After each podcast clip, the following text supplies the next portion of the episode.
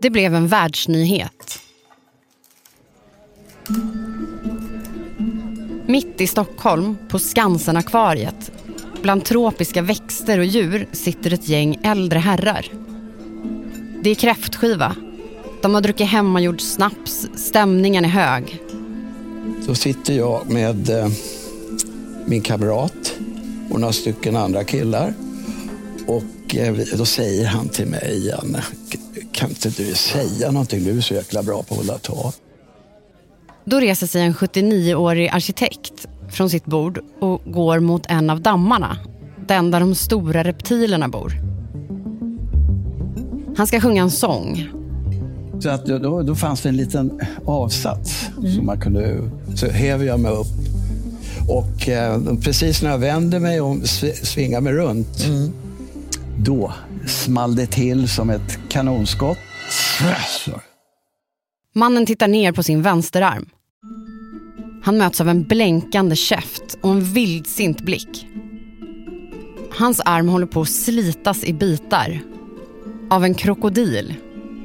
Och så tittar jag, då, då har jag krokodilen här. Han tittar på mig med sina ögon och jag tittar på honom med mina ögon. Det var ofattbart. Och det var någonting märkligt med den här händelsen. För trots att den här arkitekten fick sin arm amputerad så var han glad. Det här hade till och med gjort hans liv bättre, sa han. Mitt liv förändrades så totalt och kanske den här lilla delen ändrar på mina åsikter. Jag kanske har mer tid för mina medmänniskor. Jag, man kanske inte ska vara så självupptagen utan eh, mannen bakom det här kan bli eh, snällare mot omgivningen. Inte vet jag. Det där, det var historien vi hörde då. Men så enkelt var det inte alls. Från Dagens Nyheter. Det här är Spotlight. Idag, Skansen-Jonas gränslösa värld. Varför är krokodilmannen inte längre glad?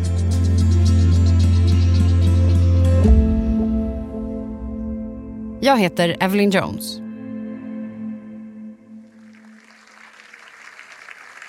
Som ni sjunger. Och nu mina vänner kommer från Skansen till vår tävling Jonas Huggormen Wahlström.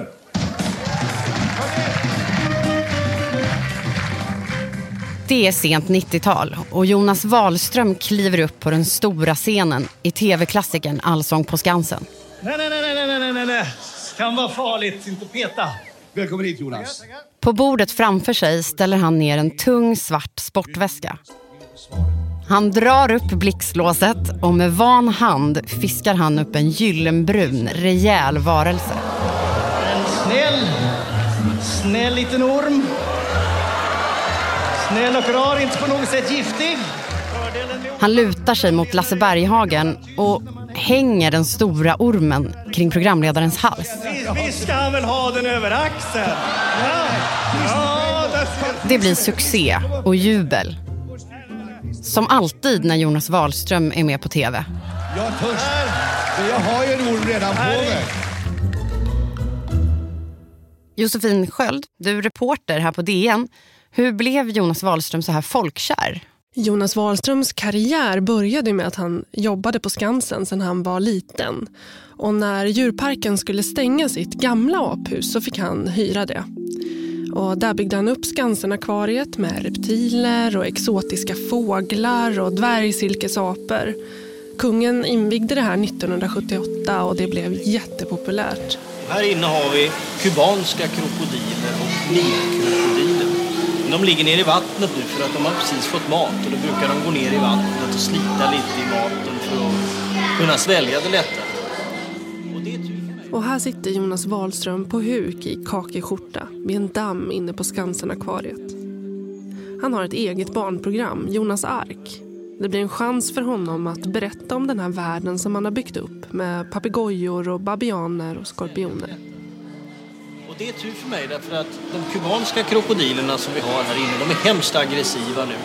Om man inte avleder krokodilerna genom att mata dem så är det väldigt farligt att sitta här inne. Och så krokodilerna då? De har ju en alldeles egen historia. De ägdes från början av den kubanska presidenten Fidel Castro som skänkte dem till en rysk kosmonaut och till sist så hamnade de där inne på Skansen på Djurgården i Stockholm. Hillary och Castro, krokodilerna.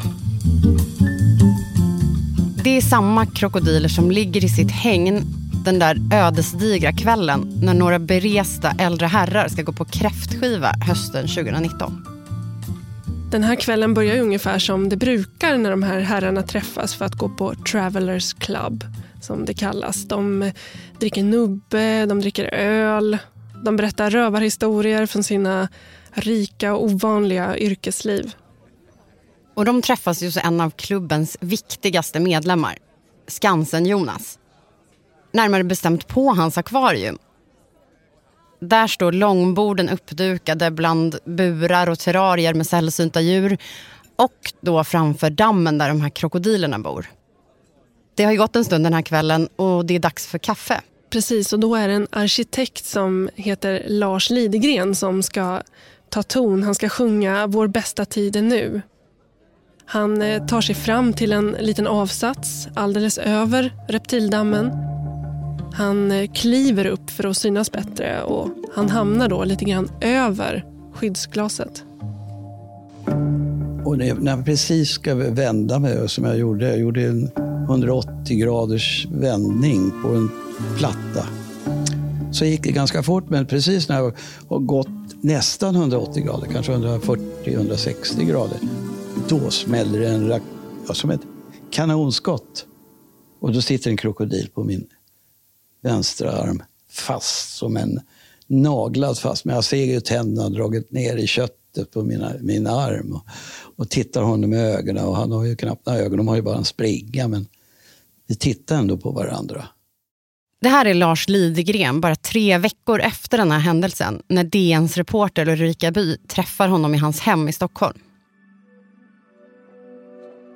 Efter kampen för att få krokodilen att släppa greppet har han fått amputera nästan hela sin vänsterarm. Och från sjukhuset har han fått tunga mediciner mot smärtan.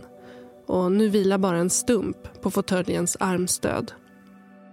Han kunde ha tagit mig i halsen och då hade jag inte suttit här. Så att, och sen att han inte tog högerarmen. Så att, då är man ju lite tacksam för det. Det som är så speciellt med den här historien är ju att man föreställer sig att Lars ska vara ledsen och arg och till och med kanske traumatiserad.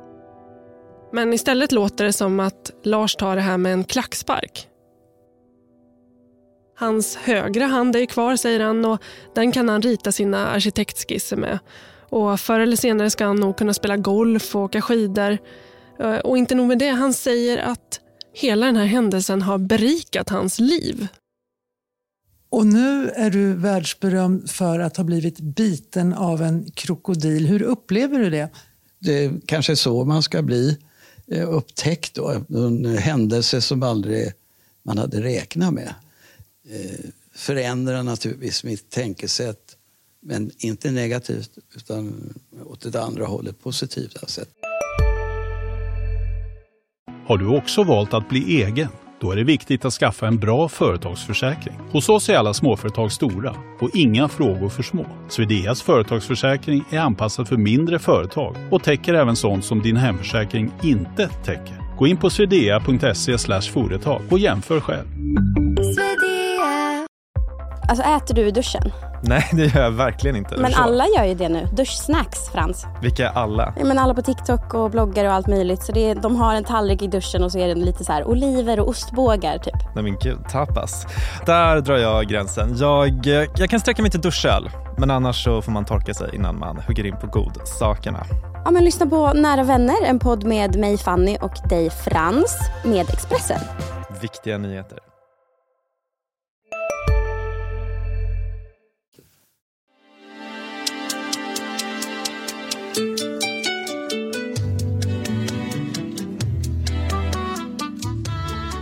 Hörrni, att vara tandlös är ingenting som man kan anklaga en av våra nästa gäster för. Nej, Nej.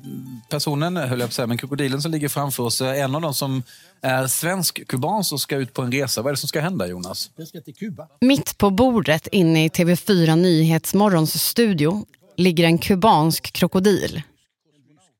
Programledarna är spända. Asiakrokodil. Shit, den har legat stilla länge nu. Ja. men jag satt på den lite gummisnodd för säkerhets skull därför att de är alltid på bettet. Men deras gäst, Jonas Wahlström, han gör som man alltid gör i TV. Det är en liten stund här bara för er säkerhet. Det är ju inte så gott om programledare på fyran i alla fall.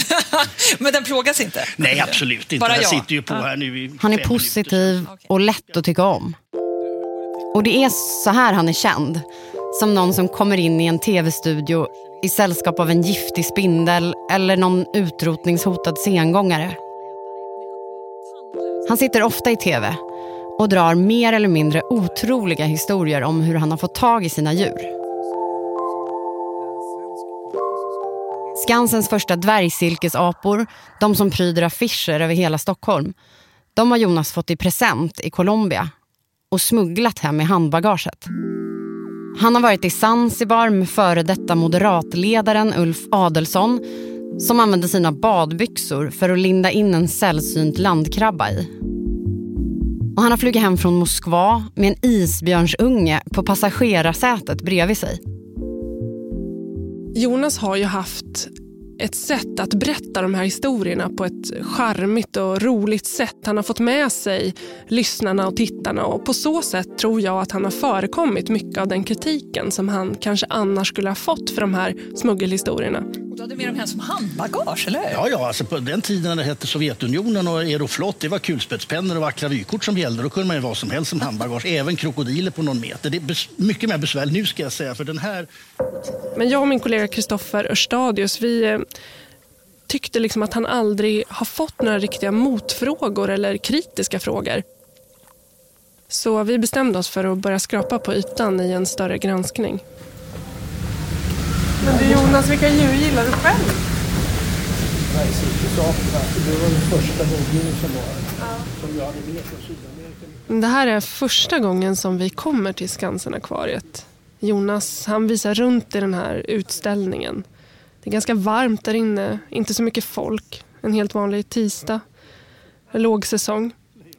Här finns eh, en ganska speciell blandning av djur. Det är allt från nakenråttor till alligatorsköldpaddor och Jonas egen favorit, dvärgsilkesapan. Och vad ville ni prata med honom om? Ja, men det finns en hel del frågetecken kring Skansen, Jonas. Och vi ville framförallt prata om hans sidoverksamhet. Dels har han kunnat bygga upp en hel gård på sitt landställe som formellt är en del av Skansenakvariet med hundratals djur. Och där har han till exempel haft lemurer trots att det är normalt sett då förbjudet för privatpersoner att ha det hemma. Men han har också haft sällsynta papegojor och de har han sålt till privatpersoner.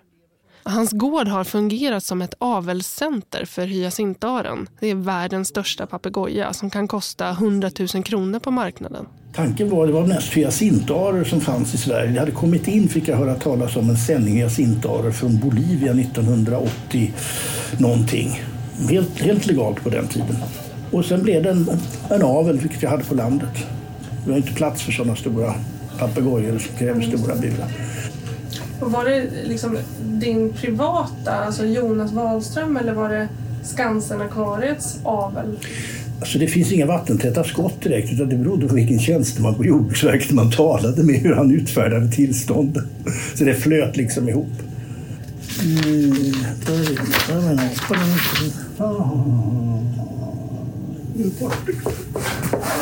där är en kopia på alla papper. Och det innebär... Jonas Wahlström plockar ner en perm här och börjar bläddra bland sina papper. Hela kontoret är fullt med permar och handlingar. Men det här är väldigt svårt för oss att följa i offentliga dokument. Men han uppskattar själv att han har sålt ett 40-tal utrotningshotade papegojor privat till företag och privatpersoner. Men det är ju inte de enda djuren. Det är ju andra sällsynta djur som dyker upp på lite otippade ställen. Precis, av det vi har kunnat följa i handlingarna som kommer in till myndigheter då, så, så rör det sig bland annat om djur som kommer till zoobutiker eller djuraffärer runt om i Stockholm. Till exempel en djuraffär på Värmdö som betalade 10 000 kronor styck för dvärgsilkesapor som sen har förökat sig i butiken. De skulle användas som publikdragare helt enkelt för att locka kunder. Eh, och de kunde visa upp världens minsta apa i sin affär. Och det här är inte ens bara i Sverige, ni har också hittat spår efter liknande affärer även utomlands. Precis, det här är ju en ganska reglerad marknad och enligt våra uppgifter då så utreder danska myndigheter till exempel konstigheter kring flera hyacintaror som Jonas Wahlström har lånat ut på livstid till fågelhandlare utanför Köpenhamn. Hans eh, namn dyker också upp i en smuggelhärva i Schweiz. Men som du säger att det här är en reglerad marknad och Jonas Wahlström måste ju ändå ha haft tillstånd för att bedriva den här verksamheten. Det har han haft. Det diskussionen snarare handlar om är om han har handlat på ett etiskt korrekt sätt. Till exempel då så har han i sin roll som djurparksägare fått ta emot dyrbara papegojor från andra djurparker. De kan vi se i handlingarna har han skänkt till sig själv genom gåvobrev, avlat på och sen tjänat pengar privat. Det är det som många i djurparksvärlden nu reagerar väldigt starkt på. Och har ni frågat Jonas Wahlström om de här sakerna och vad säger han då i så fall? Jonas Wahlström menar ju att han inte har gjort något olagligt och det har han inte heller enligt Länsstyrelsen. Han säger att det här har varit viktigt för att han ska kunna betala ut löner till anställda och, och peta in pengar i bolaget helt enkelt. Eh, men han poängterar också att han har lagt ner den här avelsverksamheten nu. Eh, det vi kan se är att Länsstyrelsen också har gjort ett nytt villkor i Jonas Wahlströms tillstånd där, som innebär helt enkelt att han inte får hålla på med handel och försäljning av djur. Med tanke på allt det här så bestämde vi oss för att eh, titta närmare på den största krisen som faktiskt har drabbat Skansen-akvariet sedan 1978 där det startade. Och eh, vi kom att tänka på Lars Lidegren som kom att kallas Krokodilmannen och eh, senast vi hörde honom så det var ju strax efter attacken och han var så otroligt positiv om framtiden. Vi, så jag, jag ville ju väldigt gärna åka ut och träffa honom och eh, vi bestämde träff på hans arkitektkontor som ligger på Östermalm i Stockholm. Han eh, bjöd in och visade upp. Han har en massa skisser och modeller kvar. Han jobbar så mycket han, han kan där på kontoret så fanns det också ett eh, konferensrum. Och vi satte oss ner och han började med att berätta vad det är för typ av medlemmar i den här herrklubben Travelers Club. Alltså det är forskare, diplomater, läkare, många läkare. Och ja, de som sitter kanske i ganska höga förvaltningar. Eh, företagare och eh, entreprenörer. Alltså människor med ganska stor status som människor. Mm. Alltså det, det, är ungefär som eh, det är FN. Hur var stämningen den här kvällen då? Ja, det var som alltid bra. Och alla såg ju fram till när vi gick in och satt oss. Klockan var strax efter nio tror jag. Då brakade det här loss. Hur är det med dina smärtor? Ja, de är ju konstanta. Alltså idag i morse och i natt var det grymt alltså beror på väderleken ibland, men det, alltså det gör så jävla ont. Jag tar ju sådana starka mediciner som... Det, jag märker det när jag ska gå ibland och tappar, tappar balansen. Hej, Synoptik här. Hos oss får du hjälp med att ta hand om din ögonhälsa. Med vår synundersökning kan vi upptäcka både synförändringar och tecken på vanliga ögonsjukdomar. Boka tid på synoptik.se. Välkommen till Maccafé på utvalda McDonalds restauranger med Baristakaffe till rimligt pris. Vad sägs om en latte eller cappuccino för bara 35 kronor? Alltid gjorda av våra utbildade baristor. När ni träffade Lars igen, vad fick du för känsla av honom nu? Ja, det här är ju en person som försöker hålla humöret uppe och Samtidigt som han har, hans liv har förändrats totalt. Han har väldiga fantomsmärtor, det märktes under intervjun. Han eh, liksom känner att han rör på fingrar som inte finns. och Han har, kan inte jobba som han vill, han kan inte åka skidor som han vill. Det är svårt att spela golf. Han, han ägnar mycket av sin tillvaro till att träffa psykologer och läkare och försöka få hjälp. Ja, jag måste säga det har ju varit upp... Folk har ju uppfattat mig som en väldigt positiv människa. Vill du berätta va, hur du resonerade när du höll skenet uppe? Du pratade om att det här liksom inte var så farligt, du hade en positiv attityd. Hur kom det sig? Ja, jag försöker, ja, det kan väl vara så att när man är i chocktillstånd, som jag, jag var väldigt chockad över allt, allt som hade hänt. Eh, inte bara jag, hela familjen och kompisar, alla fattade ingenting. Går in i en roll för att klara vardagslivet. Och vad tänker du att den här händelsen och Lars Lidegrens agerande säger om Jonas Wahlströms verksamhet? Kanske är det ett symptom eller ringar in den här gränslösa världen som Jonas Wahlström har byggt upp kring sig själv. Det handlar ju om att han känner generaldirektörer, han har haft en direktlina in på myndigheterna till tjänstemännen som han har haft en god relation till och bjudit in till, till Skansen-akvariet. Men han har ju också haft sin position i offentligheten. Han har, känner politiker, han har bekanta i medievärlden.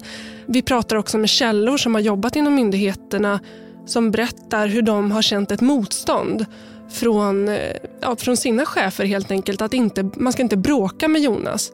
Han har byggt upp liksom en värld där gränserna mellan djurparken och han själv är uppluckrade. Man vet inte riktigt vart Skansen-akvariet slutar och vart Jonas Wahlströms egen affär tar vid. Jag frågade såklart Lars Lidegren, den här 82-åriga arkitekten som nu kämpar på utan arm om det här. När du tog det här utåt sett, ja. liksom lite ja, ja. lätt. På ett sätt hjälpte ju du Skansen-akvariet, Jonas Wahlström, att hantera det. Ja, det har ju blivit mer katastrof än vad jag hade trott. Jag var mer positiv då när, det, när jag låg på intensiven. Och då har jag försökt etablera den här eh, positiva attityden så jag kan fortsätta. Det är självbevarelsedrift helt igenom. Men var det därför du höll skenet uppe? Ja, det var ett skådespeleri. Du har lyssnat på Spotlight med mig Evelyn Jones. Producenter var Sabina Marmulakai och Måns Mosesson. Ljudtekniker Patrik Miesenberger och slutmixen gjordes av Patricio Samuelsson. Musiken kom från Epidemic Sound. Och ljudklippen i avsnittet kom förutom från DN också från SVT och TV4. Ansvarig utgivare för Dagens Nyheter är Peter Wolodarski.